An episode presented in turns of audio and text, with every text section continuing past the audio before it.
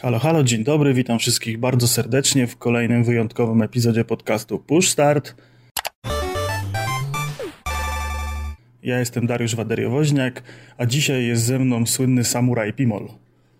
Wstawaj, wstawaj samuraju, mamy podcast do nagrania. No, wstaję, wstaję, już się podniosłem.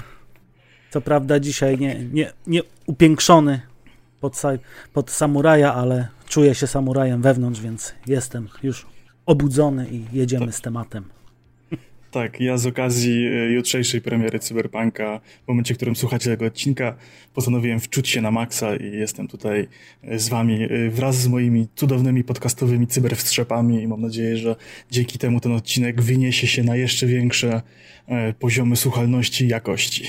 Ale dobra, o czym będzie ten odcinek? Ten odcinek będzie o cyberpunku, a właściwie będzie to taki wstęp do cyberpunka 2077. Opowiemy wam troszeczkę o realiach tego świata, jak e, mijała ta historia od czasów współczesnych do, do 2077 roku, jak wyglądają e, klasy, rasy społeczne, właściwie podział społeczny, jak wygląda, e, jak wygląda samo Night City, czym ten świat w ogóle tak naprawdę żyje i jak on wygląda.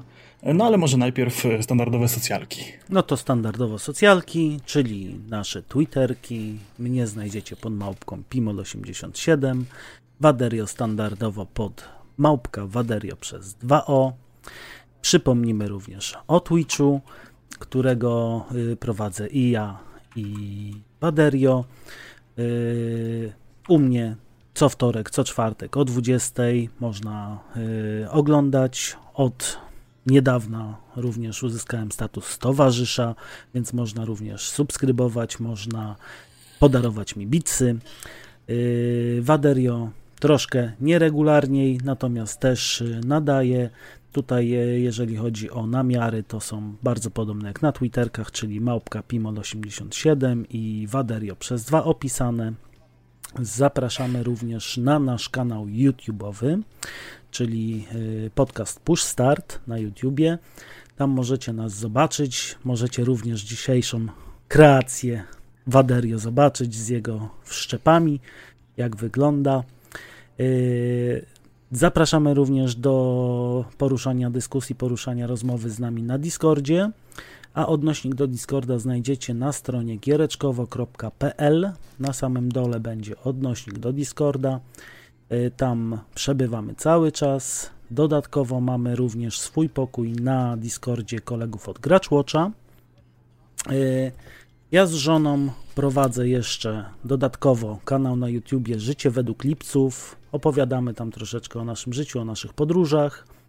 E, znawców piwa i wielbicieli piwa zapraszamy do Waderio, do Szkoły Chmielu. Obiecał, że w najbliższym czasie wrzuci kolejny odcinek, więc warto poczekać. Również e, zapraszamy na Instagrama DRK Woźniak, czyli pan doktor Woźniak, się cały czas z tego śmieje, y, na Instagramie. Tam y, Waderio też się dzieli swoimi y, zdjęciami, pokazuje troszeczkę ze swojego życia. No i oczywiście Facebook, zaczniemy tam troszeczkę więcej informacji umieszczać, będzie można też znaleźć tam odcinki, to jest oczywiście Facebook Push Start.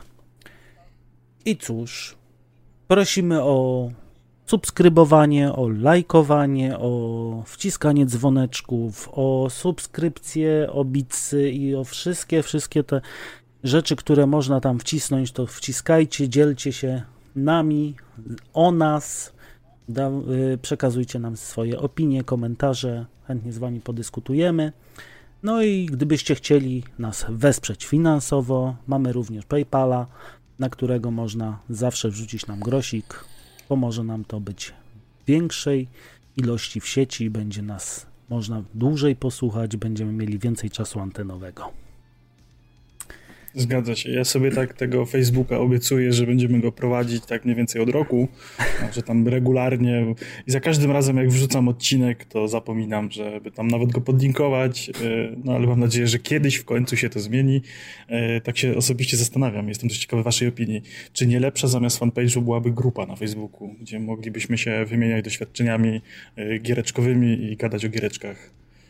Jako taka forma właśnie kolejne, kolejnego dotarcia do, do Was słuchacze, bo wiem, że nie każdy korzysta z Discorda, nie każdy korzysta z Twittera, a Facebooka to raczej większość ludzi w tym momencie ma, bynajmniej ta, która nie korzysta z tych pozostałych mediów komunikacyjnych, więc czekamy na Wasze opinie. Napiszcie do nas na tym fanpage'u, czy byście chcieli grupę, to może zrobimy z tego grupę po prostu. No a tymczasem chyba zaczynamy główny temat odcinka, czyli E, historię świata Cyberpunka 2077 i na wstępie oddaję głos Pimolowi, który nam powie, o co to w ogóle chodzi z tym cyberpunkiem. No więc tak, Cyberpunk 2077 to jest tak naprawdę kontynuacja yy, Cyberpunka 2020. Jest to alternatywa wobec wydarzeń Cyberpunka wersja 3.0, yy, czyli gier RPG takich książkowych, które były już dość dawno temu wprowadzone na rynek. I Cyberpunk 2077 rozgrywa się w dystopijnej metropolii Night City w Kalifornii. Jest to na południe od San Francisco i y, podczas wydarzeń w Cyberpunku 2020 miasto miało populację ponad 5 milionów ludzi, a do 2077 ta liczba miała jeszcze wzrosnąć. Mhm. E, no to w takim razie opowiem Wam taką krótką historię czasów e, współczesnych świata cyberpunka, e, jak to mniej więcej wygląda w tym samym czasie, w którym żyjemy my, w tamtym świecie. Wszystko tak naprawdę rozpoczęło się tak mniej więcej w roku 1990, kiedy to rozpoczął się upadek znanego nam USA, czyli znanych nam e, Stanów Zjednoczonych. E, niestety większość informacji znanych na ten temat to są takie informacje szczątkowe, jakieś pozostałości zapisków, gdyż podczas czwartej wojny korporacji zostały mm, po prostu skasowane. Większość archiwów została skasowana, większość tych centrów danych internetowych została przejęta przez sztuczną inteligencję E, wrogo nastawioną tak naprawdę do, do, do całej sieci internetowej, e, więc większość tych danych gdzieś tam została utracona i zatarta. E, no ale mniej więcej to wyglądało w ten sposób, że początkiem upadku tak naprawdę były pierwsze trzy wojny korporacyjne toczone właśnie w latach 1990 a 2016. Umocniły one dość mocno pozycję korporacji na świecie, osłabiły siłę rządów, coraz częściej dochodziło wręcz takiego dojawnego wpływu korporacji na rządy i polityków. E, był taki moment w historii, gdzie e, rząd USA nawet starał się temu e, przeciwstawić i manipulując giełdą chciał osłabić siłę korporacji, ale no niestety dla rządu Stanów Zjednoczonych doszło do, do, do wycieku danych i cała ta informacja o manipulacji dotarła na światło dzienne i spowodowało to globalny kryzys finansowy, który jeszcze bardziej osłabił całą gospodarkę światową, jeszcze bardziej osłabił rząd Stanów Zjednoczonych. No na czym ogromną ręką wyszły korporacje, które się wzmocniły, które wzmocniły swoją sytuację e, i poważanie wśród ludzi, e, zarobiły jeszcze więcej pieniędzy dzięki temu i stały się jeszcze bardziej potężne.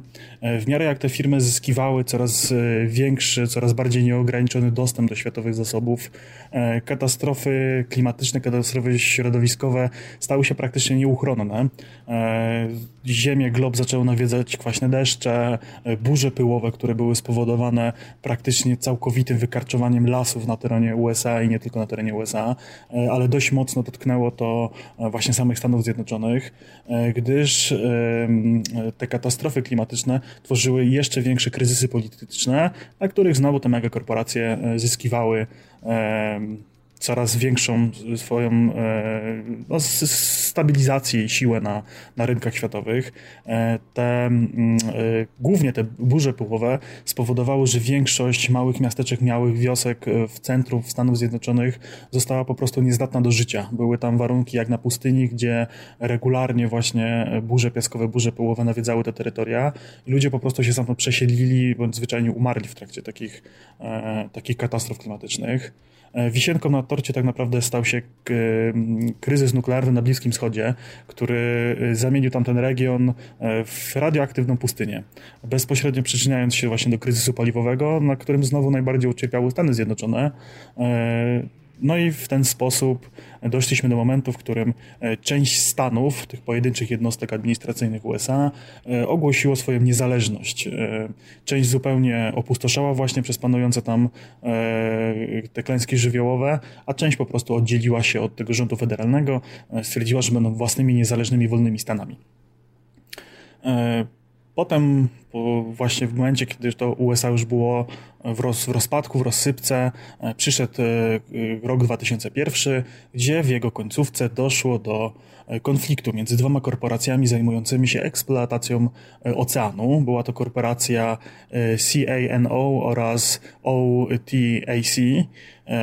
No, obie korporacje zaczęły walczyć ze sobą o pozostałości po trzeciej korporacji, czyli IHA, E, która e, też wydobywała, eksploatowała złoża e, naturalne z oceanu, no i ona gdzieś tam w wyniku właśnie tych kryzysów globalnych i tak dalej przestała funkcjonować i obie te korporacje postanowiły zagarnąć ich terytoria, zagarnąć ich wiedzę naukową, pozostałości. No i tak właśnie rozpoczęła się wojna, czwarta wojna korporacyjna. Na początku była to taka jakaś zwyczajna E, manipulacja właśnie jakimiś informacjami, danymi, e, gdzieś tam e, jakieś takie delikatne właśnie kradzieże naukowców, jakieś szantażyki, tego typu sytuacje, no ale w pewnym momencie czas na subtelności zupełnie się skończył i był to moment, w którym OTAC zatrudniło korporację militarną Militech do ochrony. W odzewie na ten ruch CANO zatrudniło Arasakę, czyli konkurencyjną korporację militarną, e, która wywodzi się z Japonii.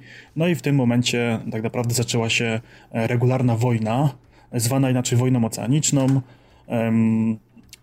No i tutaj dochodziło właśnie tak jakby do eskalacji tego, co było wcześniej, troszeczkę na większą skalę, bo zostali zatrudnieni netranerzy, zostali zatrudnieni e, najemnicy, którzy pozyskiwali coraz więcej danych, coraz bardziej w tej w sieci internetowej ta wojna głównie szalała. E, te ataki były coraz e, silniejsze, zaczęły e, padać banki danych, centralne rezerwy, dane centralnych rezerw finansowych i zaczęło się w tej sieci tak robić dość nieprzyjemnie, niebezpiecznie. No poza tym standardowe jakieś takie ataki paramilitarne, gdzieś tam komuś wysadzili jakąś placówkę badawczą, gdzieś tam kogoś porwali, gdzieś jakieś dane komuś wykradli, opublikowali i tak dalej. No i w tym momencie wkroczyła na pole walki organizacja Netwatch, zajmująca się właśnie ochroną globalnej sieci e, internetowej i nałożyła czasowe embargo komunikacyjne na obie strony konfliktu. W tym czasie e, organizacja, e, korporacja Eurobank wynegocjowała rodzaj między tymi dwoma korporacjami oceanicznymi, czyli CANO oraz OTAC. No i tak naprawdę ten konflikt teoretycznie powinien się zakończyć. Niestety tak nie było. Na początku 2022 roku rozpoczęła się wojna cieni, czyli starcie między tytanami branży ochroniarskiej, Militechem i Arasaką, e, czyli tymi organizacjami, które wcześniej były tylko wynajęte do, do ochrony interesów. W tym momencie zaczęła się między nimi regularna wojna. E, I to był tak naprawdę drugi e, etap tej czwartej wojny korporacyjnej. E, konflikt w tym okresie był już dość jawny i brutalny. Najemnicy, edgerunnerzy cały czas ze sobą walczyli, wysadzali placówki militarne, placówki badawcze. To już była praktycznie taka regularna wojna, starcia w sieci stały się jeszcze bardziej zajadłe. Netranerzy zaczęli wykorzystywać sztuczną inteligencję do mm, projektowania wirusów, do projektowania oprogramowania złośliwego, które miało wyniszczyć przeciwnika, e, przez co e, niestety e, zostały wprowadzone nieodwracalne, zmiany do, do, do globalnej sieci. No i wyodrębniły się tam dość mocno tak jakby miejsca bardzo mroczne i bardzo niebezpieczne. No i tak już niestety zostało do, do, do czasów obecnych, czyli do 2077 roku, ale do tego tematu jeszcze myślę potem wrócimy. W czerwcu 2022 roku czas takich subtelnych słówek już się tak naprawdę skończył, e, a konflikt wszedł w trzecią fazę, zwaną gorącą wojną. E, walki przerodziły się już w totalnie regularną wojnę militarną. E, były niszczone całe miasta, całe tereny po prostu zostały degradowane totalnie. Jednym z takich miast, które najbardziej ucierpiało było Rio de Janeiro. Zostało całkowicie zniszczone. Większość ludności albo umarła, albo była zmuszona opuścić miasto działania zbrojne całkowicie sparaliżowały globalną gospodarkę. Światowe rządy nie miały już, tak naprawdę nie wiedziały, co, co z tym zrobić. Szlaki handlowe, wymiana danych, surowców zostały sparaliżowane totalnie. Wszędzie zaczął się szerzyć chaos i bezprawie, które no, zrujnowało mm, tą gospodarkę tak naprawdę doszczętnie. No i w pewnym momencie niektóre kraje postanowiły powiedzieć dość, oficjalnie obwiniły korporacje za stan światowej gospodarki, za stan tego, co się dzieje na świecie. Niektóre z nich wycofały swoje wsparcie dla obydwu firm, przez co osłabiły tam odrobinę ich pozycję w swoich krajach. Właśnie część krajów Europy e, po prostu wygoniło e, tak jakby zarządy i siedziby tych firm ze swojego kraju. E, właśnie między innymi w Stanach Zjednoczonych było podobnie. W Night City zostały też te, te firmy wygonione, zostały tam puste budynki. Światowa sieć w tym czasie już tak naprawdę konała, e, nękana wirusami, e, programami klasy Demon, e, które doszczętnie niszczyły banki danych i serwery na całym świecie. No i tak jak wspomniałem, wolny stan południowej Kalifornii przejął siedzibę obu korporacji na swoim terytorium. Podobne właśnie działania miały na miejscu w Teksasie i w innych krajach Europy. No i e, tutaj tak naprawdę końcówka tego konfliktu. E, w tajemniczych okolicznościach e, jedni zganiają winę na, dru na drugich, drudzy na, na tych pierwszych. Wieże Arasaki w Night City zostały zburzone taktycznym ładunkiem nuklearnym przez grupę nieznanych najemników. Plotki, legendy miejskie głoszą, że za tym atakiem stał gwiazdor rockowy i ekstremista, buntownik zwany Johnem Silverhandem, no ale niestety potwierdzeń nigdy tego nie było. E, rząd Stanów Zjednoczonych obwinia e, Militech, Militech e, obwinia Arasakę, że sama zdetonowała ten ładunek taktyczny, czyli taką mini-atomówkę w centrum miasta. Miasto zostało dość mocno zniszczone, przez długi czas borykało się właśnie ze skutkami promieniowania, a w centrum miasta była wielka dziura po prostu po wybuchu atomówki. Pod koniec 2023 roku pod naciskiem rządu Japonii Arasaka ostatecznie uznała swoją porażkę. E, no, choć to była taka porażka, e, no, z jednej strony nie do końca, właściwie tak się tylko przyznali, że przegrali, ale po stronie Militechu, który wygrał, były takie same straty i, i, i, taka sama porażka tak naprawdę. Wygrali w sumie tylko mentalnie. No i tak właśnie zakończyła się czwarta wojna korporacyjna. Potem przyszło 10 mm, lat okresu powojennego, czyli lata 2024-2034 i był to czas takiej stagnacji w rozwoju technologii, korporacje starały się właściwie przetrwać, e, rządy starały się za wszelką cenę okiełznać zamieszki, bunt szerzący się właściwie w każdym zakątku globu.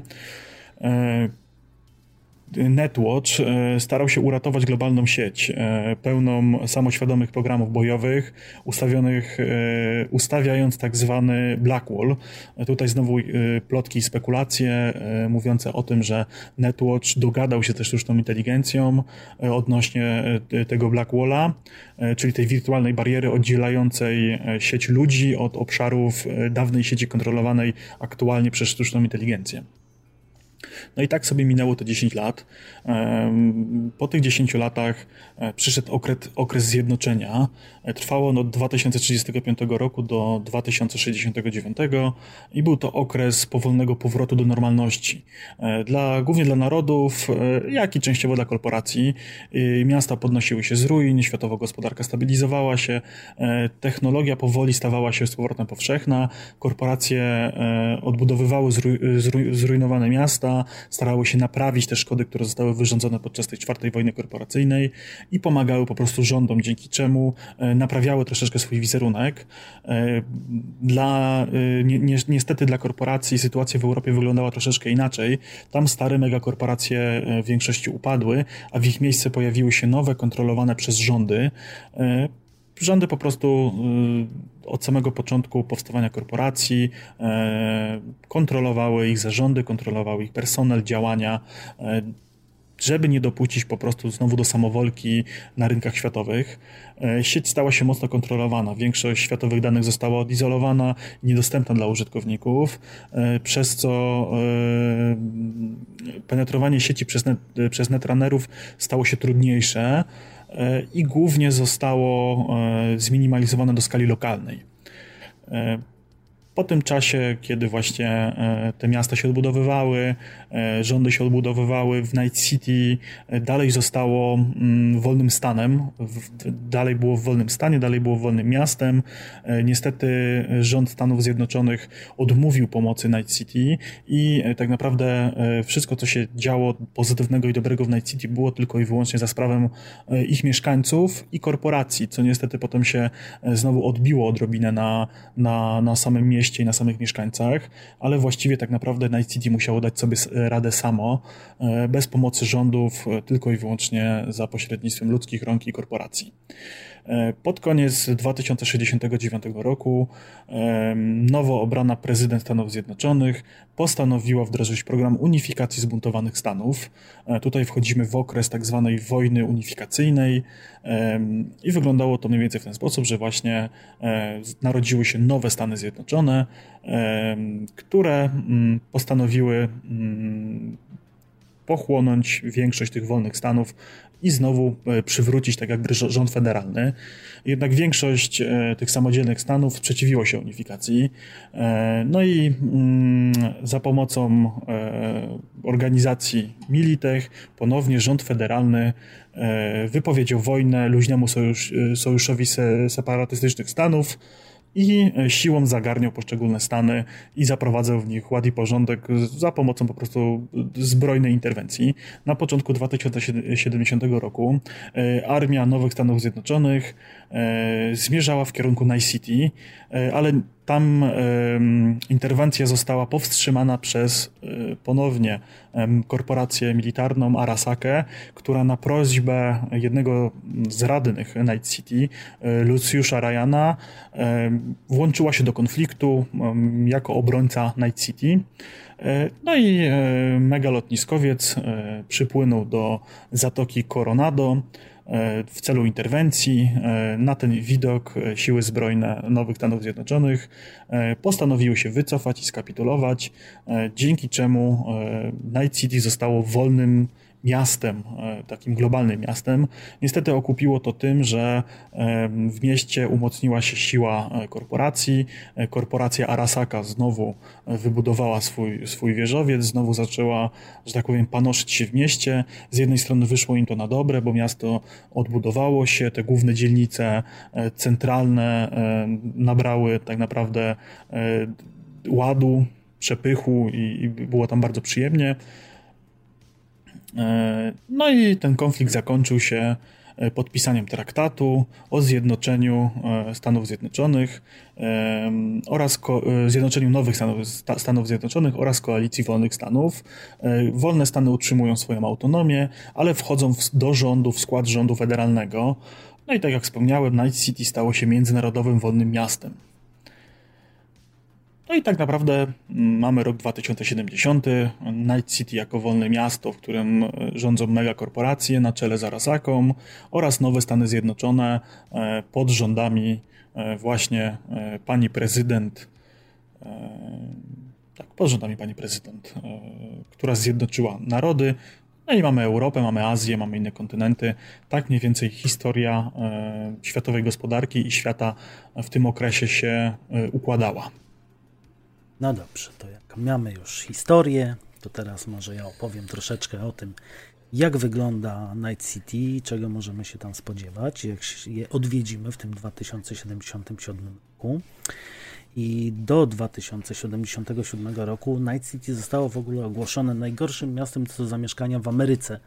Z tego względu, że y, na jego terenie było ponad 6 milionów ludzi więc było dość mocno zatłoczone i tutaj było ciężko się żyło.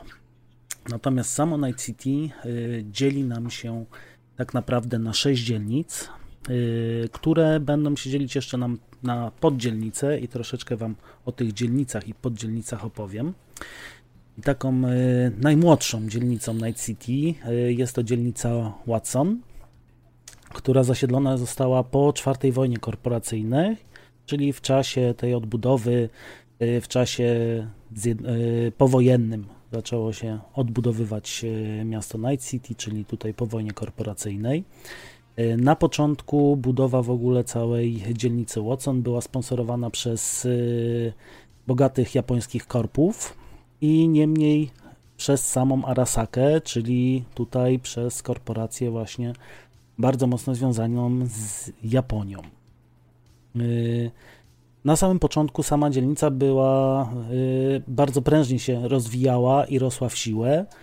Mm, jednak po powrocie Arasaki po wojnie unifikacyjnej konkurencyjne korporacje wymarły, y, wykończone przez prawników i bankierów z Arasaki i po prostu samo Watson stało się jedną z biedniejszych dzielnic, domem dla niewielkiej garstki robotników pracujących w jeszcze funkcjonujących kilku fabrykach strefy przemysłowej, no ale było, było biednie. Nic tam już po prostu nie. Fabryki wygasły, wszystkie korporacje się stamtąd wyniosły, została sama Arasaka, która też nie dbała o tą dzielnicę. Y, I tak jak wspomniałem tutaj, jeżeli chodzi o same dzielnice, one dzielą się jeszcze nam na kilka poddzielnic. I tutaj znajdziemy takie miejsca w Watson jak Little China, czyli małe Chiny. Y, jest to taka poddzielnica, w której mamy duże kontrasty. Bogaci mieszkają zaraz obok biednych, Biurowce korporacyjne sąsiadują z centrami hazardu, z pubami, z klubami ze striptizem. Y, ogólnie korpy przyjeżdżają tutaj zabawić się w kasynach i klubach ze striptizem. Mamy również y, rynek w Kabuki, taki bazar bardziej. Jest to okolica zaludniona bardziej przez chińską dizaporę i za dnia jest to bardzo przyjemne miejsce, przeciętny bazar. Możemy kupić jakieś tam warzywka, owocki i inne rzeczy, ale nocą staje się centrum handlowym nielegalnym osprzętem, narkotykami, wirusami czy braindance'em. I tutaj mamy taki po prostu w nocy nielegalny rynek, gdzie możemy się zaopatrzyć w różne wszczepy, różne wirusy, wszystko to, co nam tak naprawdę potrzebne do nocnego życia. Kolejną poddzielnicą tutaj w Watson jest północny rejon przemysłowy, który był y, wcześniej bardzo dobrze prosperującą strefą przemysłową, lecz y, po przejęciu przez Arasakę po wojnie unifikacyjnej wszystko to padło i to przepraszam. Wszystko to padło i zostało tak naprawdę zniszczone przez trzęsienie ziemi, porzucone, wszystkie inwestycje zostały zaniechane i jest y, to tak naprawdę opuszczona strefa przemysłowa, która służy y, teraz y, gangom takim jak Millstorm za budynki siedzib, za kryjówki, za magazyny. Jest to taka szara, szara strefa, gdzie nikt tak naprawdę już nie przyjeżdża, nie przebywa. No i mamy jeszcze nabrzeże Arasaki, czyli teren Watson, który został właśnie przejęty przez Arasakę. Yy, mają tam swoje magazyny, mają tam swoje yy, siedziby i są to. Yy, jest to miejsce, do którego y, przyjeżdżają tylko korpy z Arasaki albo ktoś, kto chce coś stamtąd ukraść albo wynieść. Najczęściej jest to broń albo wszczepy. A nie jest to proste, bo sama Arasaka otoczyła cały ten teren wysokim murem i jest bardzo dobrze strzeżony i równie śmiertelny jak kryjówki Melstromu. Tu mamy sobie Watson, to przejdziemy sobie do bardziej ekskluzywnej części miasta, czyli mamy dzielnicę Westbrook, która jest tak naprawdę najbardziej ekskluzywną dzielnicą w Night City i jest uznawana za najlepsze miejsce w ogóle do życia w Night City. E, znajdziemy tam różne rezydencje najbardziej znanych e, postaci, najbardziej wpływowych, bogatych mieszkańców, e, ale również znajdziemy tam mieszkania korpów średniego szczebla, czyli jakichś kierowniczków. Mamy również jedno z większych, jedną z większych poddzielnic rozrywkowej, czyli tak zwane Japantown i przechodząc do Japantown, to była dzielnica właśnie rozrywki, I ma ona dwa oblicza. Zadnia jest centrum kulturalnym, centrum turystycznym dla zwiedzających, bardzo mocno opartych o kulturę japońską. Natomiast po zmroku przybiera twarz bardziej taką nielegalną. Mamy tam kluby nocne, mamy tam kasyna, mamy domy publiczne. Yy, I tak naprawdę wszystkim tym władają yy, gangsterzy z Tiger Claws. Natomiast o samych gangach powiemy trochę później, ale tu warto zapamiętać, że oni rządzą po prostu w Japantown yy, i większość tych przybytków leży w ich rękach i oni się tym zajmują. Kolejną taką poddzielnicą w Westbrook mamy Chatterhill i to jest dzielni poddzielnica korporacyjna, z, jedna z nowszych w Night City. Większość korpów y, pracujących w Night City imprezuje właśnie w Japantown, a tutaj odsypia po tych imprezach i tutaj mieszka, czyli to jest taki sypialnia y, City Center, czyli kolejnej dzielnicy. I mamy jeszcze poddzielnicę Norfolk. To jest y, w ogóle najnowsza część miasta. Y, co tu o niej można powiedzieć? Y, na początku była to jedna z bardziej biednych, z bardziej przestępczych dzielnic w Night City. Natomiast pod właśnie pretekstem walki z przestępczością, korporacje wyeksmitowały wszystkich ludzi stamtąd, y, wynieśli wszystkie obozy uchodźców, wszystkie, y, całą biedotę wyrzucili stamtąd i teraz stała się ona najbogatszą dzielnicą w mieście. Tam możemy znaleźć willę najbardziej wpływowych ludzi, prezesów korporacji, muzyków, różnego typu celebrytów. Jeżeli chcemy zamieszkać w Norfolk, to musimy być albo bogaci, albo sławni. I kolejna dzielnica, teraz dzielnica główna, czyli City Center, czyli centrum miasta. To jest też również e, centrum finansowe i ekonomiczne Night City. Pełno tam jest mega biur, mega budynków, barów, klubów ze striptizem. No i ogólnie tutaj wybuchła bomba nuklearna, o której wspominał Waterio. E, I przez wiele, wiele lat był tu jedynie krater i stopione szkielety budynków. I w samym centrum miasta rozpoznajemy dwie takie poddzielnice, czyli mamy Corpo Plaza, to jest jedna z najbardziej rozpoznawalnych rejonów Night City. E, jest to ogólnie centrum działania wszystkich największych korporacji, czyli głównie Arasaki i Militechu, e, których wojna zniszczyła to miasto w latach dwudziestych.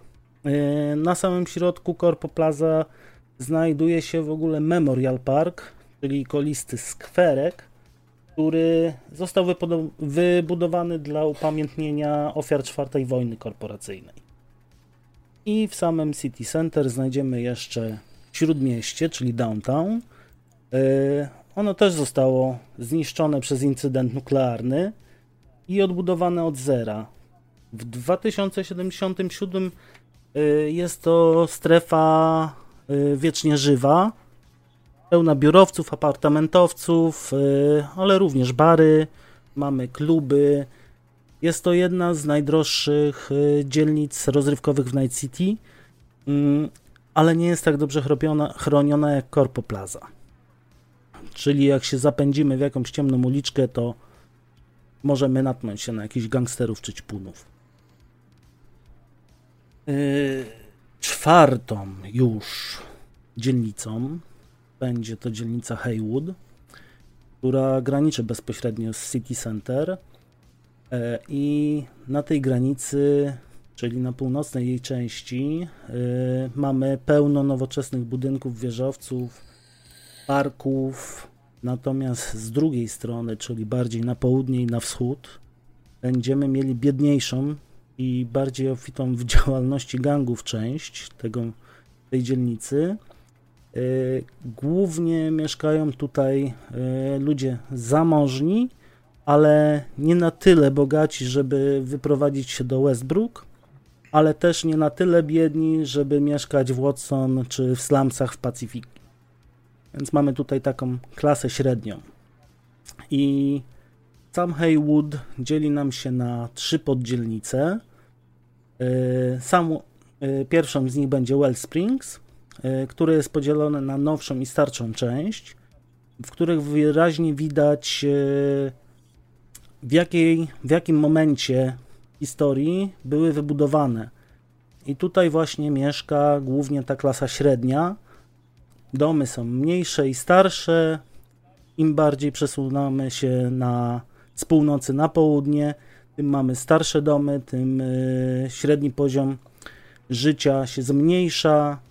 Y, dzielnica w ogóle jest kontrolowana przez gang Valentinos, y, ale jest całkowicie bezpieczna gdyż jego członkowie bronią jedynie swoich interesów, więc jeżeli tam mieszkamy, to nic nam nie będą robić.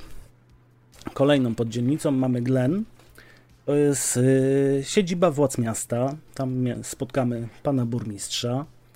Y, jednak podobnie do reszty Haywood, y, południowa część jest bardzo biedna. Zaledwie kilka ulic od samego ratusza znajduje się strefa wpływów gangów Valentinos i Sixth Street i jest to bardzo mocno podkreślone w tej dzielnicy są bardzo podkreślone właśnie kontrasty. Z jednej strony mamy burmistrza, władze miasta, całą administrację, a z drugiej strony mamy siedziby gangów, mamy biedotę i tak dalej. Mm, kolejną poddzielnicą jest Vista del Rey. E, I to jest tak naprawdę najbiedniejsza część Haywood. E, tutaj mamy największe ubóstwo, najbardziej dotkniętą e, dzielnicę przez przestępczość. Mm, co tu można? Ogólnie mieszkańcy się stąd wyprowadzają, bo cała dzielnica jest kontrolowana właśnie przez Valentinos. I również przez gang Six Street, pomiędzy którymi wy, wynikają walki i powoduje to po prostu na tyle niekomfortowe życie, że ludzie z tej dzielnicy zaczynają uciekać, czy to do Corpo Plaza, jeżeli są troszeczkę bogatsi, czy do Westbrook, jeżeli ich na to stać. E, tak by wyglądał Haywood. Kolejną dzielnicą miasta będzie Santo Domingo. I tak naprawdę ze względu na swoje położenie ono w ogóle nie ucierpiało podczas czwartej wojny korporacyjnej i stało się schronieniem dla wielu yy, dla wielu uchodźców z City Center, którzy po prostu przeżyli wybuch tej yy, bomby nuklearnej. Jest to jedna z najstarszych dzielnic w mieście. Oczywiście uchodźcy dawno się wyprowadzili z Santo Domingo, z tego względu, że minęło prawie 40 lat od, y, ponad 40 lat od samego y, wybuchu. Y, I tak naprawdę spełnia teraz funkcję bardziej przemysłową. Mamy tam elektrownię, mamy tam cały park przemysłowy, Dzielnica cały czas się zmienia, cały czas są sprzedawane i kupowane nowe parcele, stawiane są nowe fabryki, są burzone, stawiane są następne, nowsze fabryki i tak w kółko. I tutaj mamy y, też podział na dwa tereny, czyli mamy Arroyo i tu bardzo mi się kojarzy to z Falloutem, w którym też była to mała wioska, tutaj natomiast jest to jedna z większych dzielnic przemysłowych, w której mamy fabryki robotów, mamy elektrownię nuklearną, mamy różnego typu centra logistyczne, mamy również zumowisko miejskie.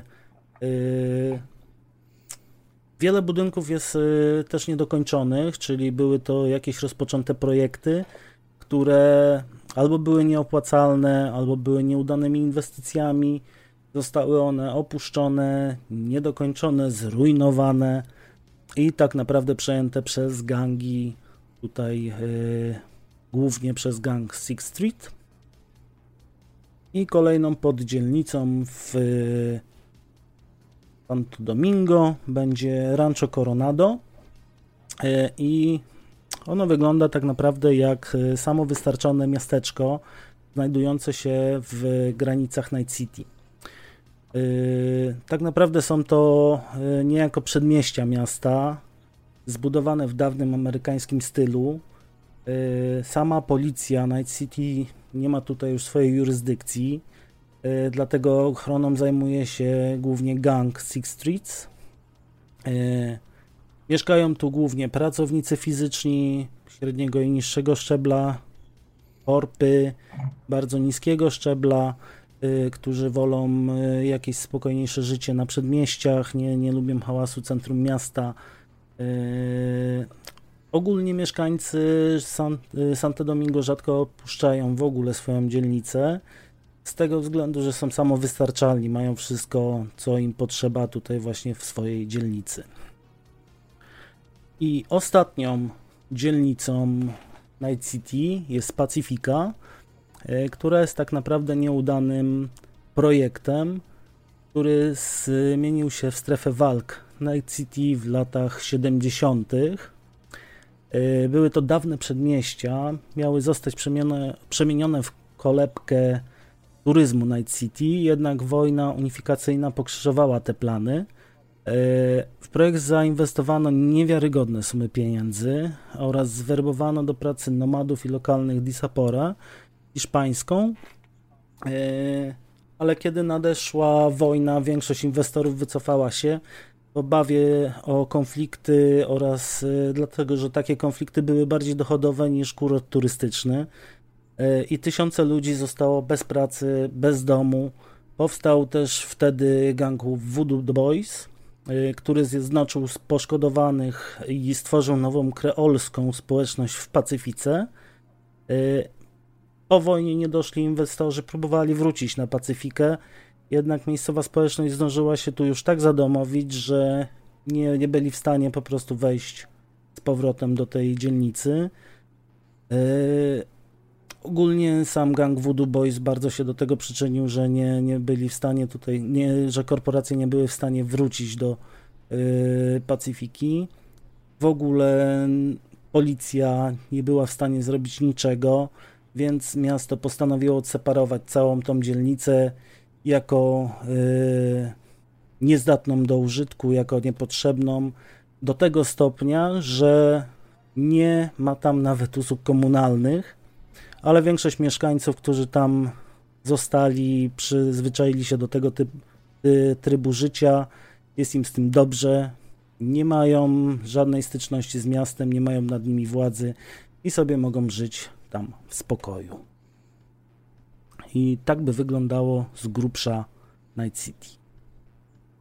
Mhm. No to przejdźmy sobie do technologii jutra, czyli do tego, co spotkamy na ulicach. Do technologii, która jest używana przez, przez ludzi, przez korporacje. E, no i zacznijmy sobie od omówienia e, cyberwszczepów. Cyberwszczepy to po prostu implanty, modyfikacje ciała i e, w 2077 roku są one dość szeroko dostępne i popularne. E, większość firm oferuje bardzo szeroki asortyment wszczepów, dostępnych tak naprawdę od ręki i w sklepach. Niestety są to wszczepy mm, takiej średniej klasy, bym powiedział, e, po te lepsze wszczepy, po te wszczepy high-endowe, po lepsze modyfikacje swojego ciała. Musimy się udać do specjalnych klinik, gdzie, gdzie tych doktorzy nam po prostu zamienią ręce na, na, na mechaniczne, czy zamienią nogi, płuca, serce i tak dalej. E, no niestety wiąże się to z tym, że trzeba zabrać ze sobą dość gruby portfel do takiej kliniki. E, no a jeżeli nas nie stać, a chcemy być e, modni albo potrzebujemy po prostu wszczepów do, do pracy, no to pozostaje nam czarny rynek, gdzie możemy kupić wszczepy pierwszej generacji, czyli wszczepy jeszcze sprzed czwartej wojny korporacyjnej, gdzie ta technologia tak naprawdę była dopiero raczkująca i te wszczepy były dość toporne, ciężkie i tak naprawdę służyły bardziej do ratowania i ułatwiania życia e, ludziom, którzy na przykład stracili rękę w wypadku czy, czy nogę, niż do faktycznie jakichś bardziej zaawansowanych modyfikacji ciała. Same wszczepy przez, na przestrzeni lat dość mocno ewoluowały właśnie. Od tej generacji zero e, do tam jakiejś pierwszej generacji, gdzie zaczęli używać jakichś już e, troszeczkę lżejszych metalów, e, zaczęła, zaczęła się interesować właśnie wojsko i armia, tymi wszczepami zaczęli używać do, do, do modyfikacji wojskowych. No, przez właśnie te wszczepy trzeciej generacji, czyli wszczepy już, już lekkie, już bardzo zaawansowane, już jakieś sploty cyberskóry, e, kuloodpornej, właściwie można sobie powlec skórę kuloodpornym materiałem, e, można sobie założyć jakieś super gałki oczne z, z HADem, z noktowizją, można sobie polepszyć swoje parametry fizyczne, bojowe, no aż do mm, wszczepów tak naprawdę najdroższych i najbardziej high-endowych, czyli do czwartej generacji, która tak naprawdę stała się już częścią mody właściwie w Night City i są to szczepy przeznaczone dla tych najbogatszych, dla celebrytów i służą one uatrakcyjnieniu życia i wizerunku samego posiadacza. E, właśnie te sploty z cyberskóry są e, przeplatane drogimi e, metalami, jak, jak złoto, występują tam jakieś kryształy, diamenty, tego typu sytuacje. E, no i tak naprawdę mm, to już od nas zależy, czy, czy chcemy super fajnie wyglądać, bo mamy wysoki port, mamy gruby portfel, e, czy te wszczepy są nam potrzebne do, do walki, czy do pracy. Tak jak wspomniałem, są one dość popularne, e, tak jak u nas e, posiadanie tatuażu czy, e, czy posiadanie telefonu komórkowego, tam te wszczepy są na podobnym poziomie w społeczeństwie. Każdy jakiś ma, każdy coś ma, każdy chciałby mieć lepszy, fajniejszy, lepiej działający, nowszy.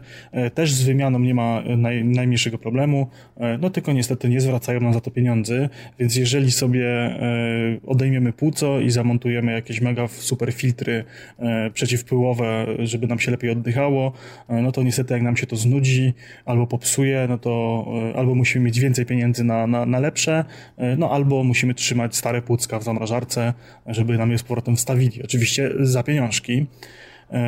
Kolejnym aspektem technologicznym, który dość mocno się rozwinął w, ty, w tych w czasach wojny korporacyjnej i, i, w czasie całej tej historii świata cyberpunka, to broń. E, broń w Night City tak naprawdę posiadać może każdy. E, prawo jest tam na tyle luźne w tym temacie, że bez problemu możemy sobie e, kupić broń, czy to w sklepie za rogiem, czy w wyspecjalizowanym sklepie właśnie z bronią, gdzie profesjonalny doradca dobierze nam wyspecjalizowaną broń wysokiej klasy. Możemy sobie wydrukować jednostrzałówki na drukarkach 3D, a ewentualnie kupić tanią gównianą broń w automacie pod blokiem. E, no i tak jak wspomniałem, broń posiada każdy, e, może posiadać każdy i pewnie mają każdy. E, otwarcie noszą ją głównie ci, którzy używają jej na co dzień, czyli gangsterzy, policjanci, jacyś taksówkarze, sklepikarze, którzy potrzebują tej broni do obrony swojej bądź własnych interesów. W tych klasach wyższych, bogatszych, w tych dzielnicach, gdzie panuje względny spokój, broń również posiada każdy, ale jest ona troszeczkę niechciana, troszeczkę e, jest takim może tematem tabu właściwie, taką totalną koniecznością i ostatecznością. E, ludzie starają się, że tak powiem, odchodzić od przemocy, odchodzić od stosowania broni, no ale jednak e, gdzieś tam każdy ją posiada na, na, na ten własny użytek do, do, do, do celów obronnych. Jeżeli chodzi o taką broń stricte militarną, broń ciężką, jest ona zakazana na terenie całego miasta. No ale jak to bywa w przypadku zakazów, nie dotyczą one wszystkich, więc służby korporacyjne e, czy, czy policjanci jak najbardziej z niej mogą korzystać. E, no też nie ma żadnych przeszkód, przeszkód żeby gdzieś na czarnym rynku e, sobie taką broń zdobyć, kupić, zmodyfikować i, i, i jej używać. No aczkolwiek spotka się to z tym, że, że stróże prawa jednak będą nas ścigali za posiadanie takiej broni. Sama broń dzieli się na kilka podkategorii. Mamy tutaj broń tak zwaną palną, jest jej kilka podtypów. Jest typ power, czyli tak zwane power spluwy na mieście. Jest to po prostu zwykła, klasyczna broń palna, wymagająca standardowej amunicji, w zależności od tego, jaka to jest broń, potrzebuje różnego typu amunicji, różnego kalibru, no i charakteryzuje się ona głównie tym, że jest najbardziej niezawodna, ma dużą szybkostrzelność, no ale niestety idzie za tym odrzut. Kolejnym takim typem broni, który wyewoluował w trakcie całej tej historii świata jest broń typu tech, w slangu tekspluwy, czyli broń kinetyczna i to jest tak naprawdę broń, która strzela potężnymi pociskami napędzanymi przez impuls elektromagnetyczny. E, tego typu broń ma bardzo daleki zasięg i potrafi penetrować e, wiele powierzchni, pancerze, budynki. Jest e, broń dość potężna i dość, broń dość zaawansowana. Niestety nie jest aż tak bardzo niezawodna jak, te klasyczne spluwy. Wymaga umiejętności obsługi, wymaga no, specjalnego podejścia do tej broni.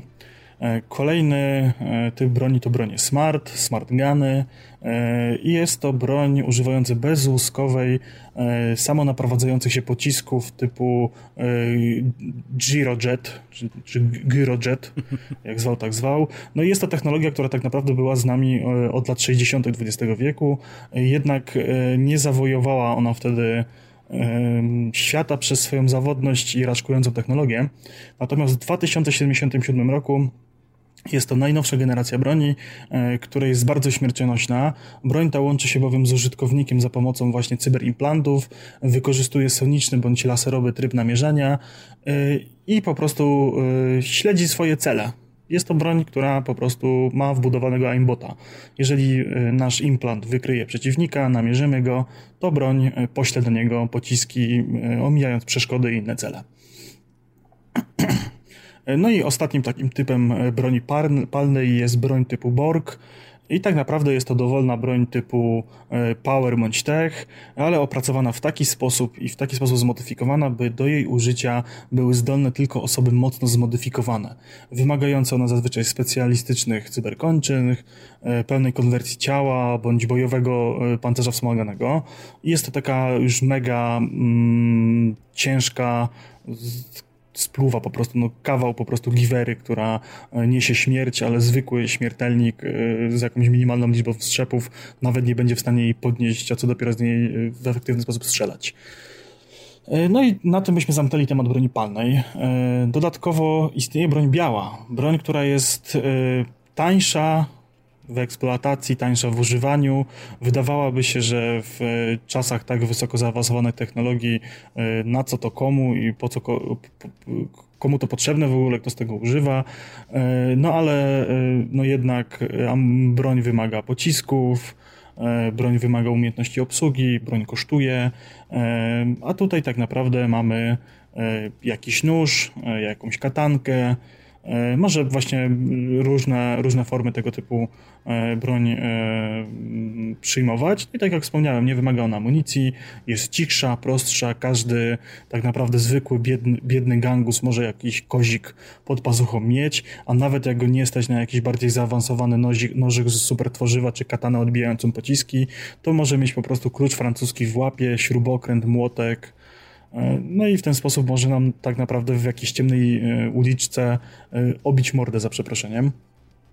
No i w ten sposób będziemy walczyć, bądź będą z nami walczyć na ulicach Night City taką właśnie bronią. E, no ale nie samą bronią człowiek żyje, nie samymi wszczepami, też po mieście jakoś trzeba się poruszać. No i tutaj mamy pojazdy. E, pojazdy znowu, e, jest to kilka, kilka podstawowych klas samochodów, czyli taka typowa klasa ekonomiczna, na, można by sobie tak przenieść, że to będzie taki y, pasacik TDI, tylko że troszeczkę z większą elektroniką, z GPS-em, że tak powiem. I są to po prostu wyprodukowane z tańszych materiałów, z ubostszym wyposażeniem, mniej zaawansowaną technologią w środku. Y, pojazdy stricte użytkowe. To są takie gruchoty na każdą kieszeń. Takie zwykłe furki, które w tych biedniejszych dzielnicach można się poruszać. Kolejnym taką klasą samochodów są to samochody korporacyjne. Są to już bardziej luksusowe fury, pełne bajerów, udoskonaleń, nowinek technicznych. One już fajniej wyglądają, są zadbane, eleganckie, e, szybciej się poruszają. są po prostu fajniejsze. To jest taki samochód, który po prostu trzeba mieć pieniądz, żeby na niego było stać. Mamy jeszcze samochody ciężarowe, ciężarówki, wywrotki, typowe samochody stworzone do pracy w terenie, do swoich specjalistycznych, ciężkich zadań. E, no tak jak w, w dzisiejszych czasach, e, coś po prostu musi przewozić e, materiały, surowce, dostawy do sklepów, coś musi wywozić śmieci i są to właśnie tego typu samochody. Dodatkowo samochody sportowe, czyli pojazdy z najmocniejszymi silnikami, właśnie stworzone do wyścigów, e, popisów, pościgów, e, to już takie bardziej dla fanatyków, bardziej dla znawców samochody, e, na większą kieszeń, samochody właśnie może do popisywania się, może jakiś mm, bogatszy gangster takim samochodem sobie pośmigać. No i ostatnia klasa samochodów, czyli hipersamochody, połączenie wysokiej prędkości z potężnym e, pancerzem, e, samochody stricte dla wysokich korpów, dla właśnie prezesów korporacji, dla szefów, menadżeri wyższego szczebla. To już jest samochód, na którego dla, na którego nie, stać tak naprawdę niewielu, a są to samochody przede wszystkim bezpieczne, wygodne, luksusowe, z wysoką prędkością poruszania się e, i tak naprawdę mm, no, samochody, za którymi większość tych ludzi nigdy nie siada, tylko siedzi z tyłu, z drineczkiem w ręku, rozmawiając e, z kontrahentami, są wożeni po prostu po mieście przez swojego szofera w bezpieczny sposób, e, z minimalnym ryzykiem, że ktoś ich zaatakuje, a nawet jak ich zaatakuje, to nic z tego nie będzie. E, kolejną technologią dość popularną e, w 2077 roku jest Braindance, czyli technologia rozrywkowa, e, która tak naprawdę umożliwia odtwarzanie cyfrowego zapisu zgromadzonych wcześniej doznań jakiejś innej osoby. Czyli tak naprawdę są to takie, upraszczając, upraszczając gogle wirtualnej rzeczywistości, gdzie możemy się poczuć jak osoba, która odgrywała jakąś scenkę. Dlatego ten biznes rozrywkowy bardzo bardzo urósł. E, mamy tam szeroki e, e, wachlarz scenek do odgrywania, od jakichś intymnych emocji przez napady, pościgi, szczelaniny.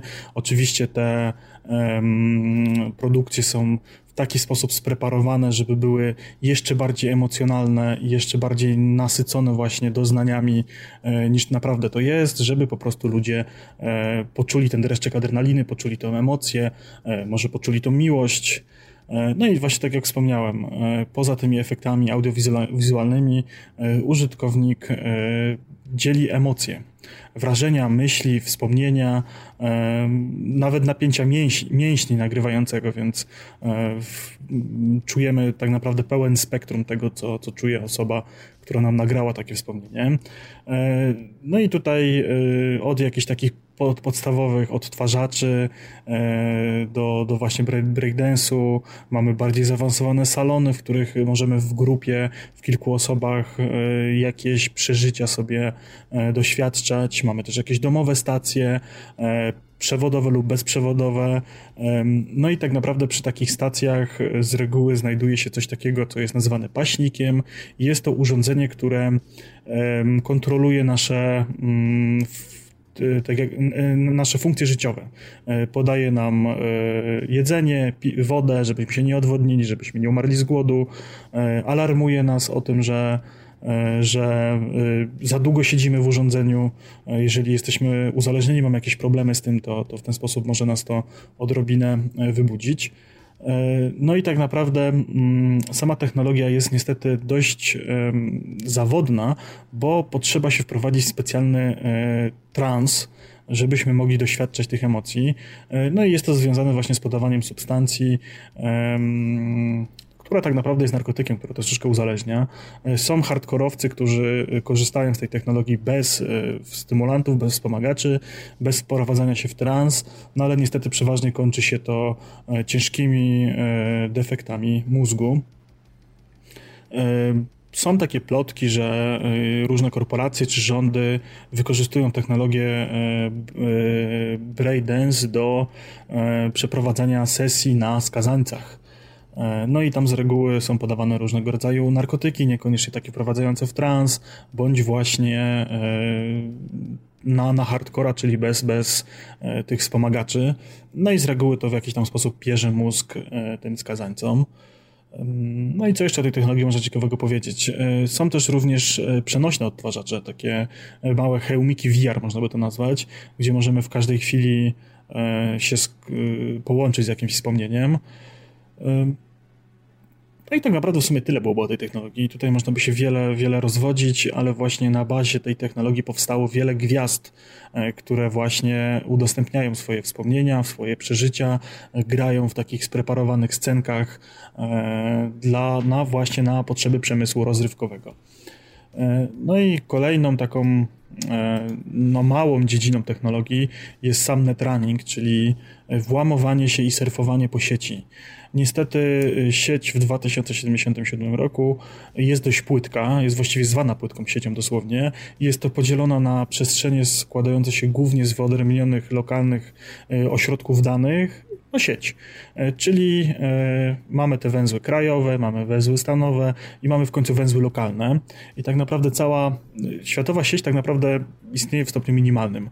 Mało kto ma do niej dostęp, głównie skupiamy się na sieci lokalnej, na sieci poszczególnego miasta, przez co jest ona przez, dzięki czemu, e, przez to, że ona jest tak wyizolowana, jest troszeczkę prościej się do niej włamać, bo większość urządzeń ma e, po prostu terminale. Każdy samochód przy wlewie paliwa ma terminal, więc w bardzo prosty sposób możemy się do niego włamać.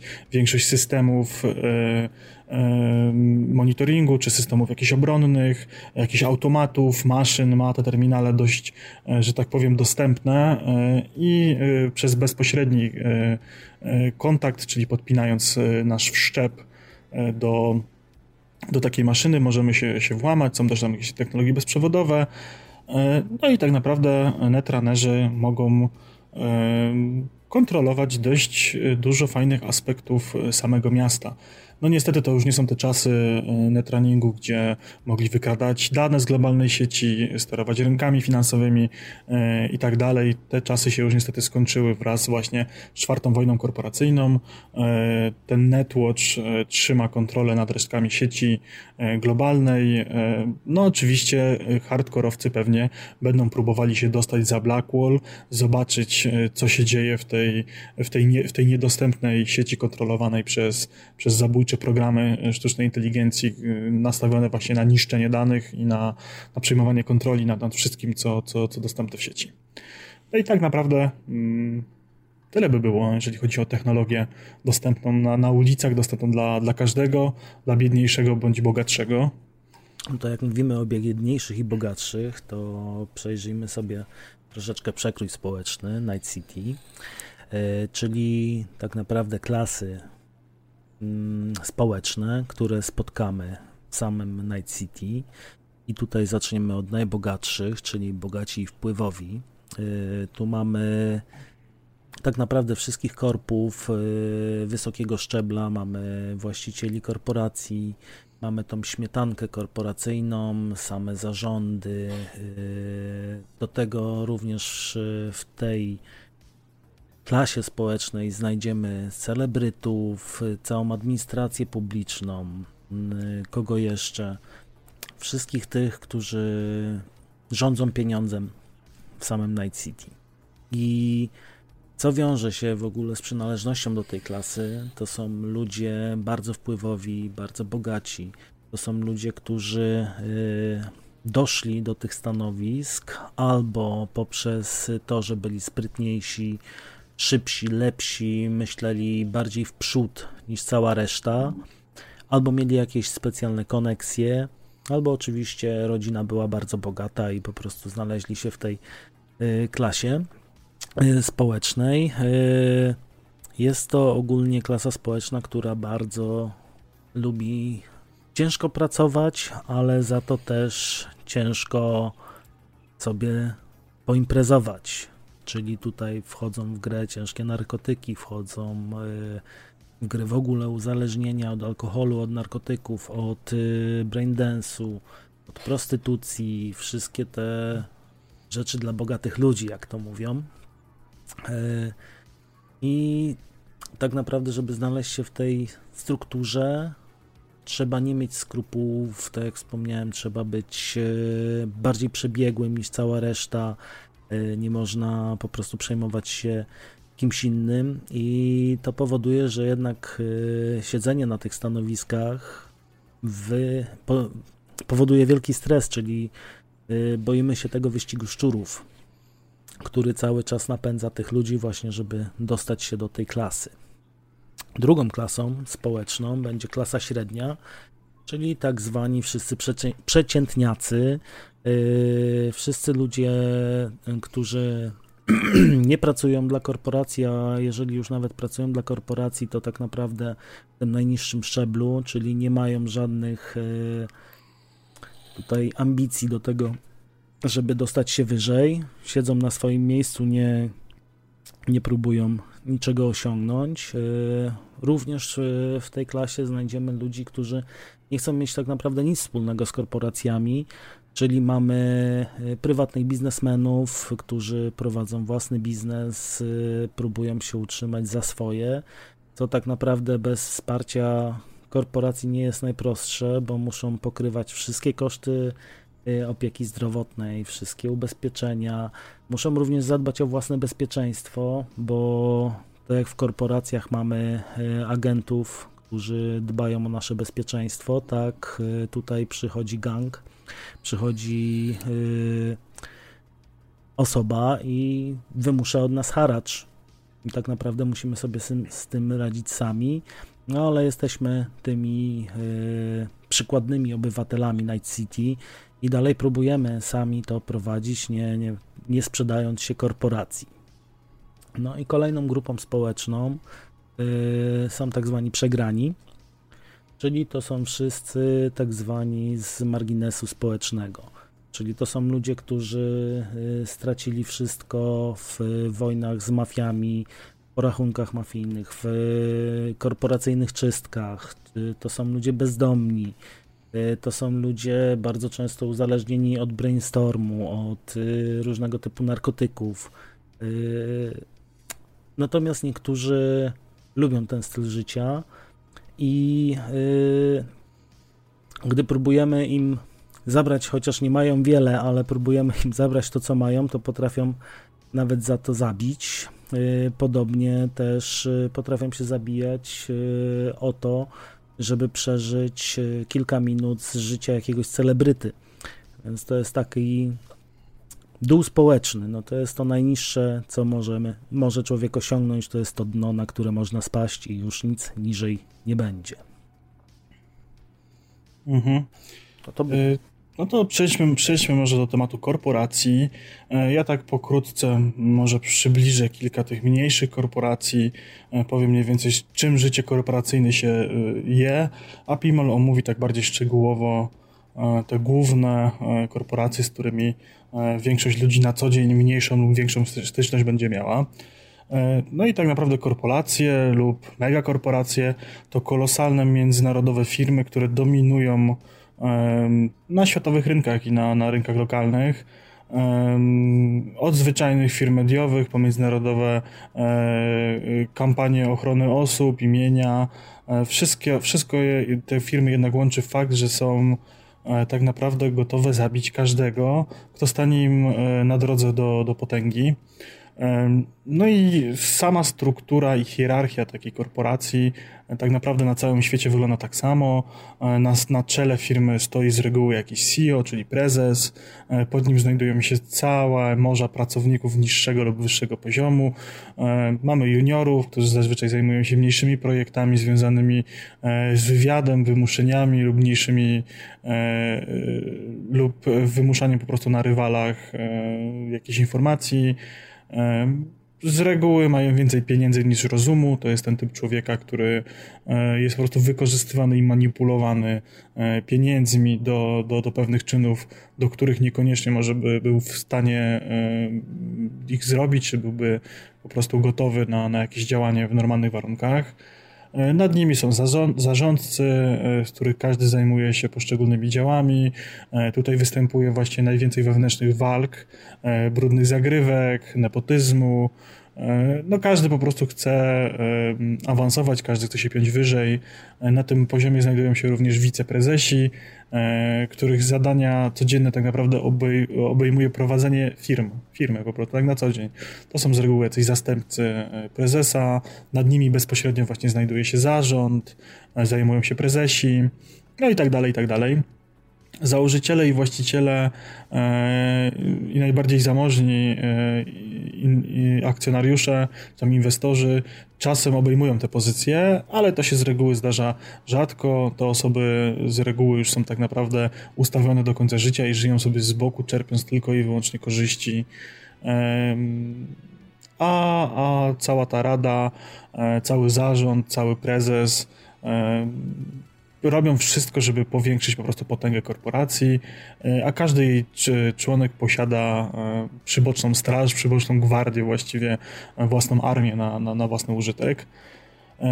No i korporacje dzielą się na, na kilka, kilka tak jakby dziedzin tych korporacyjnych. Mamy media, czyli media korporacje, to kolosalne koncerny kontrolujące fale radiowe na całym świecie złożone z tysiąca nadawców wiadomości, studiów rozrywki, wydawnictw. Oni po prostu pilnują e, tylko, żeby odpowiednie wiadomości ujrzały światło dzienne. E, wielu analityków podejrzewa, że większość korporacji medialnych ma głębokie powiązanie e, z państwowymi rządami. E, no, jak się rzeczy mają, e, no to, no to już każdy, że tak powiem, może się domyślić faktycznie. I oni tak naprawdę pokazują e, to, co ludzie powinni zobaczyć według nich, czy według właśnie rządów, czy według innych korporacji. I mamy tutaj e, kilka wiodących korporacji, czyli NN54 e, i jest to największy całodobowy serwis informacyjny nadający na terenie całego USA. E, mamy NN, e, to znowu japoński serwis całodobowy z wieloma e, podporządkowanymi filiami, które zyskały e, po prostu wykupując bankrutujące studia na całym świecie. Mamy DMS, e, to, druga największy, to drugi największy serwis e, całodobowy informacyjny w Stanach. Mm, no i mamy e, WNS, czyli globalny serwis informacyjny z Londynu. No ta korporacja za wszelką cenę stara się utrzymać wiedzę o wszystkim, co odbywa się dookoła globu. Gazety i programy telewizyjne płacą duże sumy za historię właśnie e, dla, dla tej stacji, dla, dla tego koncernu. Kolejnym tak jakby gałęzią korporacji to agrokorporacje. E, one zazwyczaj rozpoczęły swoje działalności jako rodzinne farmy, e, które miały na własność kilka akrów ziemi, małe statko bydła, kilka zniszczonych pojazdów i głównie po krachu w 1994 roku przerodziły się tak naprawdę w wielkie E, korporacje, e, kiedy ziemie wyschły, e, kiedy fale upałów, kiedy właśnie te wszystkie katastrofy klimatyczne, one właśnie zyskiwały na, na wartości, na pieniądzach. Do roku 2020 65% gruntów rolnych było własnością korporacji. No i właśnie one skupiały się na, na produkcji biopaliwa, na produkcji żywności. No i tutaj mamy mm, kilka takich właśnie korporacji z różnych krajów, mamy e, Akarami. E, jest to duża e, korporacja, której głównym celem jest eksploatacja właśnie syntetycznych potraw i syntetycznego ryżu.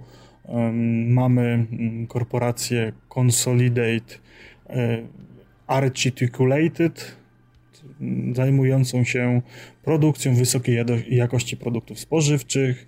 Mamy Petrochem, jest to największy producent e, cecha OH2 w Stanach Zjednoczonych, e, czyli tak naprawdę biopaliwa, czyli producent biopaliwa na, na całe Stany Zjednoczone i na cały świat. Mamy również Sofoil, czyli sowiecki producent właśnie biopaliwa. No i oczywiście produktów pochodnych. Jest to najbogatsza firma w Rosji i ma ekonomiczną władzę nad, nad rządem rosyjskim. Potem mamy firmy e, produkcyjne i tutaj właśnie e, znana nam już Arasaka zajmuje się produkcją uzbrojenia i przemysłu z, z, z, militarnego tak naprawdę. Mamy Eurobusiness Machines, jest to producent sprzętu komputerowego, Mamy International Electric Corporation, zajmuje się produkcją osprzętu, takiego jak silniki, sprzęty komputerowe, chipy, mm, którymi właśnie handlują głównie z innymi korporacjami. Mamy Kong Tao, e, jest to korporacja zajmująca się również ponownie właśnie zbrojeniem, uzbrojeniem. Jest to jeden z gigantów właśnie broni, produkującym broń. Mamy znane nam również Militech, jest to korporacja wojskowa, największy producent broni na świecie. Mamy Mitsubishi Sugo, filię Mitsubishi handlującą głównie e, z siłami zbrojnymi Japonii, oferującymi im uzbrojone pojazdy, takie jak czołgi, opancerzone samoloty e, czy pancerze wspomagane. Sega Atari to wiodący producent e, gier wideo, cyber, cybernetycznych części i broni. E, Tsunami to producent broni wysokiej jakości z Osaki. E, kolejnym, kolejną gałęzią przemysłu opanowaną przez megakorporacje jest oprogramowanie. Mamy tutaj Akari, producenta oprogramowania, inwestora wielu mniejszych korporacji. E, mamy EMB, specjalizującego się w produkcji komputerów i technologii informatycznej oraz elektroniki. EAC, korporacja, która głównie handluje cybernetyką, ale również posiada specjalistyczne oprogramowanie e, inżynieryjskie. E, mamy Mikrotech, to przemysłowy standard wyrobów stacji komputerowych w Stanach. No i Z, Z, Zetatech. Pierwotnie była to firma w Dolinie Krzemowej specjalizująca się w sprzęcie komputerowym, oprogramowaniu oraz oprogramowaniu umysłowym korporacja stała się z jednym z największych handlarzy procesorów neuronowych, mikrochipów i cybernetyki na rynku amerykańskim. Y, mamy również producentów wszczepów, mamy Adrek Robotic i Arasaka, to rywalizujące ze sobą korporacje, właśnie zajmujące się handlem cybernetyką i wszczepami. Y, Akagi to niewielka korporacja produkująca cybernetykę w Azji, mamy e, Bakumatsu, e, również korporacja z Japonii, specjalizująca się w chipach językowych używanych do komunikacji, biotechnika, specjalizująca się w genetycznych modyfikacjach roślin, Cyber, Cyber Hire to filia Daka Oi i współproducent technologii Cyber Audio. Mamy to Dakai, to znany producent technologii właśnie muzycznej e, i cyberwstrzepów audio. E, Dynalar to znany producent e, znowu cybernetyki z USA. EAC to największy producent cybernetyki na świecie. Kenjir handluje urządzeniami sprzedawanymi w Japonii, jak i częściami Kirashi. Kirashi to przewodnik w produkcji rozwiązań optycznych ma całkowity monopol praktycznie na, na, na, ich produkcję, jest gigantem w tej skali oraz e, Raven e, jest to firma założona w Night City i zajmuje się głównie e, cybernetyką i technologiami powiązanymi.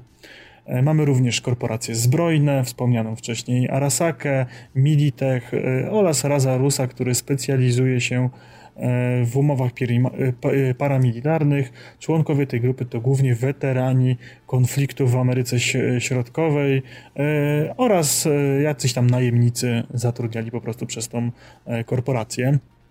Mamy również kilka firm, które specjalizują się w usługach, E, Infocam to dystrybutor informacji, e, MA&F zajmuje się e, doradztwem finansowym i inwestycjami, Orbital Air zajmuje się przewozami pasażerów i towarów na orbitę ziemską, RAO to konkurent Trauma Team zajmujący się głównie transportem i higieną zmarłych, Mamy właśnie Trauma Team, jest to elitarna, e, e, elitarna specjalizująca się e, w paramedycznych akcjach grupa, która głównie ratuje swoich zranionych klientów. Mamy RCVP specjalizującą się w trenowaniu specjalnych ochroniarzy. I mamy WCN, korporację posiadającą monopol na dalekosiężną komunikację satelitarną. E, no i na koniec zostały nam e, korporacje bankowe, tutaj znowu bank Arasaka się pojawia, mamy Eurobank, który stanowi podstawę codziennej bankowości tak naprawdę na całym świecie. I Fujiwara, jest to jeden z gigantów światowego, światowych finansów pochodzących z Japonii. No i tak naprawdę tak się pokrótce te korporacje na całym świecie rozkładają, a szczegóły przedstawi Wam Pimol co do tych głównych korporacji z Night City. No to jeszcze tak dodam jedną korporację ogólnie z Night City. Jest to korporacja Night Corp y, i jest to firma, która głównie skupia się tylko na Night City i jego sprawach. Y, tak naprawdę administruje całym miastem, czyli zajmuje się budową dróg, zajmuje się y, remontowaniem, budowaniem mostów, minimetra, Y, elektrowni czy wodociągów y, z bardziej charakterystycznych działań również y, w Night City organizują różne działalności charytatywne na rzecz dzieci, na rzecz najuboższych rodzin. Sponsorują również programy stypendialne dla utalentowanej młodzieży. To jest jedna tutaj z korporacji, które występują tylko w Night City. Y, kolejną tutaj, o której jeszcze Waderio nie wspomniał, która też występuje y, w Night City jest to Kendashi. Jest to korporacja, która zajmuje się produkcją najwyższej jakości broni białej. Czyli jeżeli będziemy potrzebować jakieś katany, jakieś noże, y, różnego typu broń białą, to będziemy się udawać tutaj po produkty właśnie korporacji Kendashi. E, tutaj rozwijając troszeczkę e, nam te korporacje, no to tak jak e, Waderie wspomniał, mamy główne korporacje, czyli Arasake i Militech. To są korporacje, które de facto rozpoczęły istnienie Night City w tej formie, w jakiej teraz je mamy. Y, są to korporacje, które rządzą całym miastem. Y, Arasaka głównie specjalizuje się w, y, poza produkcją broni, pojazdów bojowych, bankowością. Głównie jest to właśnie bezpieczeństwo korporacyjne, czyli mamy tych wszystkich agentów z korporacji, o których też zaraz powiemy. E, natomiast Militech jest to główna korporacja, która współpracuje z y, rządami różnych państw, y, z różnymi prywatnymi czy rządowymi organizacjami. I ona zajmuje się głównie produkcją broni już takiej ciężkiej, nie tylko osobistej, ale ciężkiej, bo tu mamy drony, mamy czołgi, mamy samoloty, czy nawet okręty bojowe, służące tutaj głównie w siłach wojskowych, w siłach militarnych. No i też y, rozszerzymy troszeczkę jeszcze informacje na temat y, firmy Trauma Team. Y, jest to korporacja medyczna. Ogólnie zajmuje się, jest głównym świad, świadczeniodawcą usług medycznych dla całego Night City. Czy to dla klientów prywatnych, czy to właśnie dla megakorporacji. Takim głównym zadaniem jednostek specjalnych czyli jednostek szybkiego reagowania. To jest y, dotarcie do ubezpieczonego klienta, włącznie y, taki zespół składa się z, zazwyczaj z pilota, z dwóch ochroniarzy pod bronią i z dwóch ratowników medycznych, którzy docierają do klienta, pakują go do samolotu i przewożą go do szpitala który też jest własnością tutaj Trauma Team i jest y, największym szpitalem w Night City. A ochrona pod bronią jest po to, żeby po prostu w ewentualnym przypadku zagrożenia naszego życia y, usunąć to zagrożenie w sposób bardziej drastyczny. No i myślę, że tutaj mhm. byśmy zakończyli temat korporacji. Y, tak, przejdźmy sobie do tematu prawo i bezprawie, czyli omówimy sobie pokrótce gangi, tym może się byś ty Pimol zajął dogłębniej, mhm. a ja tak pokrótce wprowadzę was właśnie w stróżów prawa. E, tutaj mamy tak naprawdę trzy frakcje dominujące w Night City, czyli korporacyjnych agentów, E, bardzo dobrze wyposażone jednostki prywatnej policji, lojalne jednej korporacji i tylko korporacji, e, które na terenie właśnie na terenach korporacyjnych wymierzają sprawiedliwość szybko i brutalnie. Kolejnym przedstawicielem prawa jest stara dobra policja. Jeśli chodzi o jednostki miejskie, to są to dość niedofinansowane, dość biedne, niedoposażone, z brakami w ludziach E, no po prostu muszą e, trzymać się reguł prawa tak naprawdę, e, gdzieś, które tam zostało w Night City nałożone. Więc ich praca jest dość frustrująca i ciężka, prowadzi do sytuacji sprzyjającej korupcji, brutalności.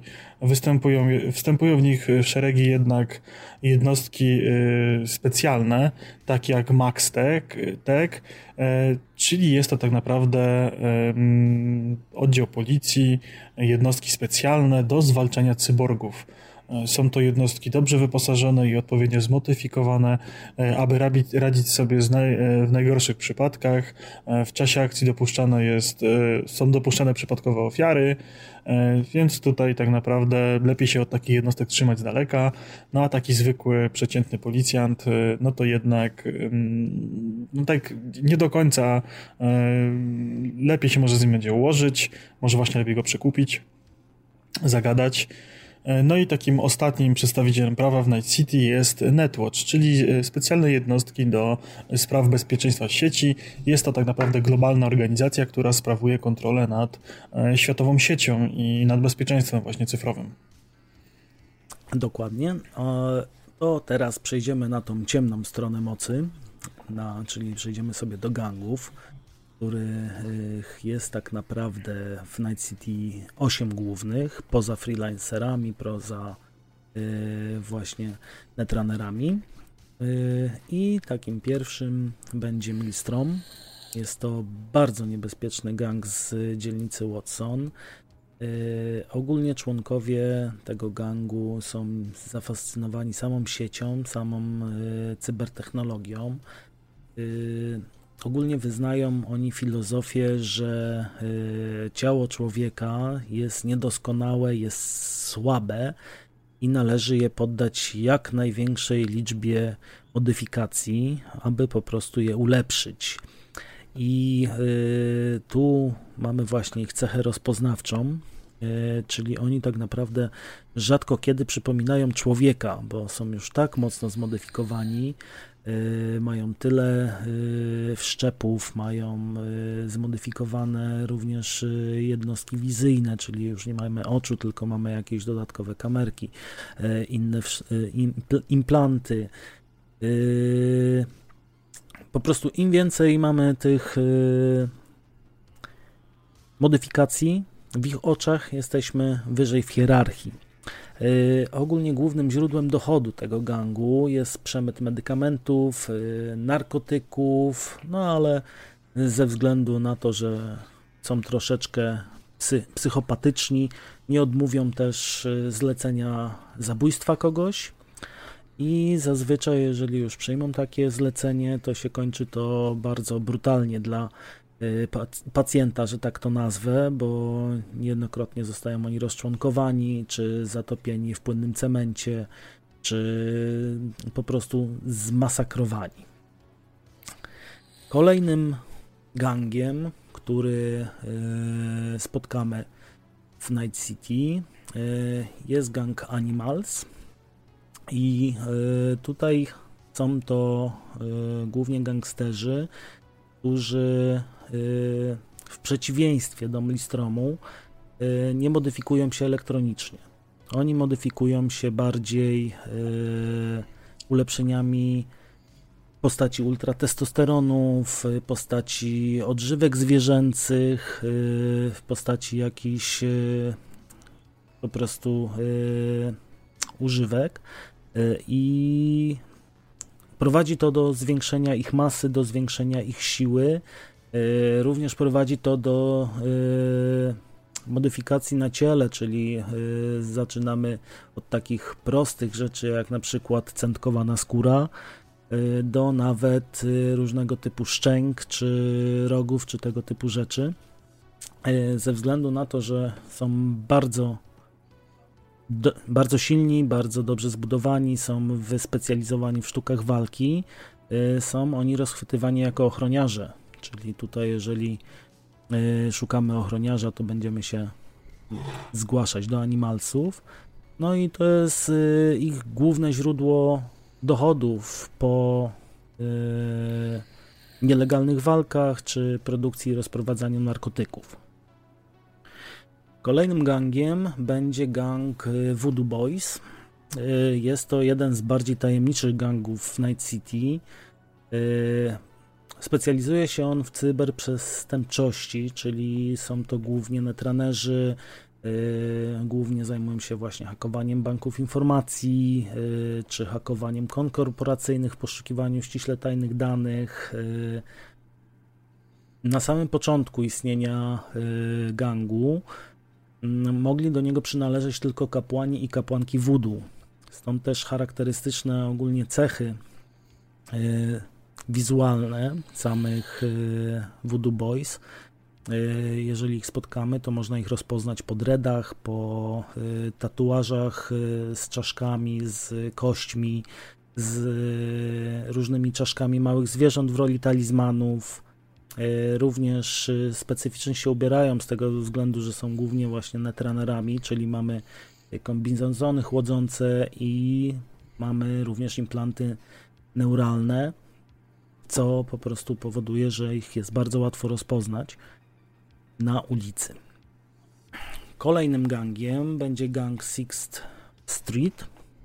Jest to gang, który został powołany przez yy, staroświeckich amerykańskich patriotów, którzy y, najpierw pełnili rolę y, policji obywatelskiej, natomiast później gdzieś zboczyli z tego, z tej, z tej ścieżki służby publicznej i stali się nie gorsi niż gangi, przeciwko którym tak naprawdę się powołali i zaczęli nadużywać swojej władzy, nad, nadużywali tego w społecznościach lokalnych, zaczęli wyłudzać haracze, yy, zaczęli po prostu terroryzować lokalne społeczności.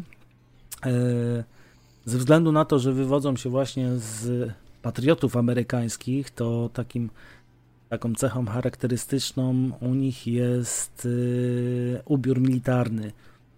Bardzo mocno militarny, czyli mamy buty wojskowe, mamy kamizelki taktyczne, mamy różnego typu e, ochraniacze na kolana, e, jakieś bojówki, mamy również e, baseballówki z naszywkami amerykańskiej flagi czy amerykańskiego orła. I głównym źródłem dochodu gangu są rabunki, wymuszenia i przemyt broni. Następnym gangiem będzie gang Demox, czyli gang składający się głównie z prostytutek, z punków i mniejszości seksualnych. Oni się zebrali jako gang głównie po to, żeby się nawzajem chronić. Yy, I przez to, że są to mniejszości tutaj seksualne, są to głównie prostytutki, to Y, członkowie gangu, zwłaszcza ci wyspecjalizowani w walce, lubią w, lubują się w modyfikacjach upodobniających ich do plastikowych lalek. I po tym można ich rozpoznać na mieście. Y, głównym źródłem dochodu są oczywiście ekskluzywne kluby y, striptizowe, braindance'owe, no i oczywiście nierząd, jak to u prostytutek. Jedziemy z Tiger Claws czyli tak jak wspominałem już przy opisie miasta, jest to y, gang, który rządzi całym Japantown, y, tak naprawdę upodobniając się do triad czy jakuzy z Japonii. Y, głównie członkami są oczywiście Azjaci. Sama organizacja stawia sobie na celu utrzymanie władzy i terytoriów do nich należących E, nie zajmują się za bardzo, bo oczywiście też się tym zajmują rozszerzaniem swojego terytorium, natomiast nie jest to ich główny cel. E, Mają pod swoim, pod sobą również biznesy legalne, takie jak restauracje, jak różnego typu pralnie, puby, bary, kasyna, ale tak naprawdę to są przykrywki dla pralni pieniędzy i dla handlu ludźmi, którym się zajmują.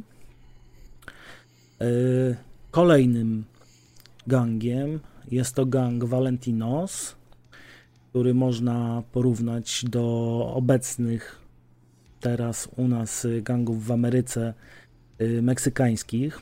Tutaj oni są przedstawicielem właśnie takiej kultury meksykańskiej w Night City. E, gang również bardzo terytorialny, podobnie do Tiger Claws. Też zajmują się tylko swoją dzielnicą. Działają głównie na terenach Haywood tutaj członkowie Valentinos jawnie odnoszą się z tym, że przynależą do gangu, yy, mają specyficzne tatuaże z, czy z Matką Boską, czy z Jezusem. Yy, lubują się w bardzo barwnych ubraniach, w podresowanych lowriderach, no i robionej na zamówienie ozdobnej, pokrytej złotem lub srebrem broni. Podobnie do Tiger Claws, y, Valentinos prowadzą bardzo wiele legalnych biznesów, takich właśnie jak restauracje, jak salony samochodowe czy kluby nocne, lecz tutaj podobieństwo też nie zanika, bo podobnie jak y, u Tiger Claws, tutaj też kryją nielegalne biznesy, czyli mamy przede wszystkim dziuple dla skradzionych aut, pralnie pieniędzy czy handel narkotykami. Takim najmniej znanym, najmniej yy, gangiem, o którym cokolwiek wiadomo, jest to gang kosiarzy. Yy, jest to gang bezwzględnych handlarzy ulepszeniami ciała, ale nielegalnymi, zdobytymi w nielegalny sposób, czyli tak naprawdę dla nich każdy z obywateli Night City to jest tylko zestaw produktów czekających na to, żeby go sprzedać na czarnym rynku. I tu byśmy zamknęli sobie temat gangów. Jeszcze mamy taką grupę społeczną bardziej niż gangi, yy, czyli mamy nomadów. Oni wywodzą się z tego, że w momencie recesji, jak nie było pracy, nie było y, zatrudnienia, musieli się oni zacząć przenosić z miejsca na miejsce, żeby zdobyć e, pracę, żeby zarobić na życie i tak naprawdę przenosili się z całym swoim dobytkiem, czyli pakowali rodzinę, pakowali wszystkie rzeczy do przyczepy, do samochodu i jechali z punktu A do punktu B, żeby zarobić, później z punktu B do punktu C. I takim to po prostu zostało.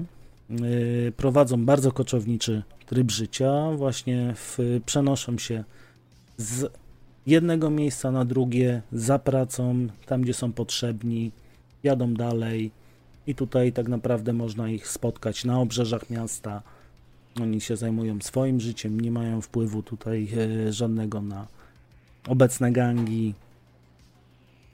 I myślę, że tutaj ten przekrój społeczny byśmy sobie zakończyli. Mhm. No to właściwie tak naprawdę przebrnęliśmy przez całą tak naprawdę podstawę świata Cyberpunka 2077. E, mamy nadzieję, że z tą zdobytą wiedzą e, będziecie mogli jeszcze bardziej się zanurzyć, jeszcze bardziej pochłonąć się w grze, która nadchodzi wielkimi krokami. Dla Was to, to już tak naprawdę jutro, dlatego dawajcie nam znać na, na Twitterku, na Discordzie czy na Facebooku, czy już gracie, czy już macie grę, czy, czy już właśnie zaczynacie swoją przygodę z cyberpunkiem. No a my myślę, że będziemy się chyba żegnać pomalutku. Myślę, że tak. Trzymajcie się, do następnego.